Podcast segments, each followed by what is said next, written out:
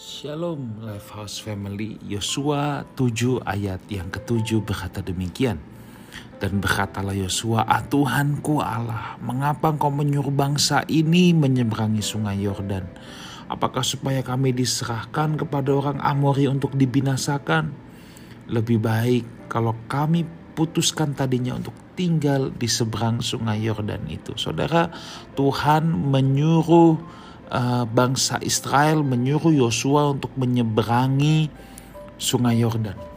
Tetapi ketika mereka selesai menyeberangi sungai Yordan, justru mereka dikalahkan oleh orang-orang Ai. Bangsa Israel dikejar-kejar. Lalu ayat yang ketujuh muncul, ayat yang tadi kita baca Yosua malah komplain kepada Tuhan, bersungut-sungut kepada Tuhan, Tuhanku Allah, mengapa engkau menyuruh bangsa ini menyeberangi sungai Yordan? Kalau tahu begini saudara, ya lebih baik kita diam aja tadi di seberang sungai Yordan, kita nggak usah nyebrang segala.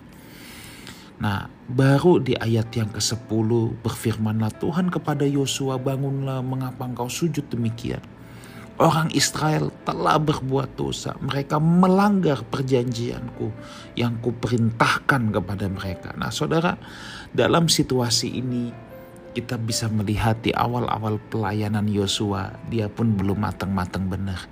Mungkin tanpa sadar kita suka terjebak pada kesalahan yang satu ini saudara. Ketika kita menghadapi situasi sulit yang tidak enak, yang sangat berat dalam hidup ini, kita bisa menjadi seperti Yosua. Kita cepat komplain kepada Tuhan. Kita cepat mempertanyakan keputusan Tuhan. Kita cepat mempertanyakan di mana Tuhan tanpa kita memeriksa diri kita sendiri. Ya, ketika hidup terasa sangat berat, sering kali kita lebih cepat komplain daripada kita memeriksa diri kita sendiri. Dan di sini baru Tuhan bilang, Bangunlah, kenapa engkau berbuat demikian? Orang Israel yang telah berbuat dosa dan melanggar perjanjianku. Perjanjian hanya akan tetap berjalan kalau ada dua belah pihak yang mematuhi atau tetap berada di dalam perjanjian itu. Di sini rupanya bangsa Israel mengalami kekalahan ya sebab Tuhan sedang memukul mereka. Setiap kali bangsa Israel berbuat yang jahat di hadapan Tuhan, Tuhan akan memakai lawan-lawannya untuk memukul bangsa Israel. Tetapi yang jadi persoalan di sini kenapa Yosua tidak memeriksa dulu bangsanya? Kenapa Yosua tidak memeriksa terlebih dahulu orang-orang yang dipimpinnya? Dia cepat mengeluh bersungut-sungut kepada Tuhan, dia cepat komplain sama Tuhan. Saudara, selalu saya ingatkan orang yang komplain dengan Tuhan adalah orang yang sedang tidak setuju dengan peraturan Tuhan.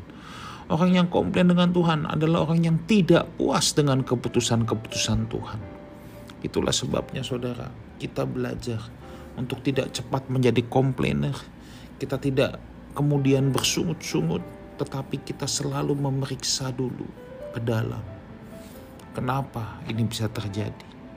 Apa ada yang salah? Apakah aku berbuat yang jahat di hadapan Tuhan? Kalaupun kita sudah memeriksa diri kita dan kita tidak melakukan yang jahat di mata Tuhan, saudara, berarti Tuhan memproses untuk kebaikan kita. Itu pun kita tidak boleh bersungut-sungut. Yang harus kita lakukan adalah kita bersyukur. Kita selalu harus mengucap syukur. Jangan mencurigai Tuhan. Tuhan tidak mungkin merancangkan yang jahat buat kita. Kalau ada hal yang belum kita mengerti, bukannya berarti Tuhan jahat. Enggak, saudara. Ya, sama mungkin ada hal yang anak-anak kita belum bisa mengerti pada saat ini. Mungkin untuk sementara waktu, kalau saudara menerapkan disiplin di rumah, misalnya saudara batasin gadget, ya, untuk anak saudara batasi game, lalu dia bilang papa jahat, ya tidak apa untuk sementara waktu anak kita salah mengerti bilang kita jahat. Padahal kita lakukan itu untuk kebaikan. Nah sering kali Tuhan juga seperti itu saudara. Ya.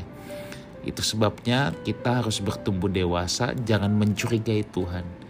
Kalau bapakmu yang di dunia ini saja tahu memberikan apa yang baik kepada anak-anaknya, apalagi bapak kita yang di surga. Haleluya, Tuhan Yesus menyertai kita semua. Amen.